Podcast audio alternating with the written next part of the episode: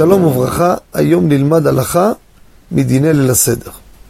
כידוע, פסוק בתורה, חובת אכילת מצה בליל הסדר, בפסח, היא רק בליל הסדר. בערב תאכלו מצות. שאר החג, אני לא חייב לאכול מצות. אתה רוצה לאכול, אז אל תאכל חמץ, תאכל מצה. או דברים כשרים שהם לא חמץ. סעודת שבת זה מצד שבת, לא מצד החג. אבל חובת אכילה לשם זה מצווה, המצווה של האכילה זה בליל הסדר. עכשיו, כשאני צריך לאכול בליל הסדר, צריך שהמצה תהיה שנעשתה לשם מצת מצווה. מצת מצווה, צריך שמישהו יעשה, יגיד, אני עושה לשם מצת מצווה.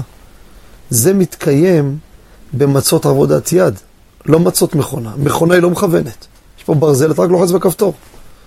אין פה בן אדם שעושה את הכל. תראו מאפייה, יש בצק, נכנס למכונה, עושה הכל אוטומט. פריסה, אפייה, חיתוך, הכל. אז זה לא נעשה לשם מצת מצווה. נכון שהדלקתי את המכונה, אמרתי לשם, זה רק הדלקה, אבל הפעולה לא. יש הרבה פוסקים שנוקטים, שזה לא נקרא לשם מצת מצווה, מצה זו פסולה לליל הסדר. לכן חובה לדאוג לאכול בליל הסדר מצות שמורות עבודת יד, או קשות או רכות, כל אחד כמנהג אבותיו. אבל עבודת יד, לליל הסדר, למצוות של ליל הסדר.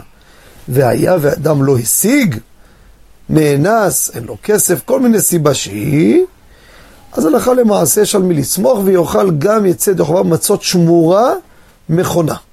מצה שמורה, לא מצה רגילה. שער הפסח יאכל מה שהוא רוצה.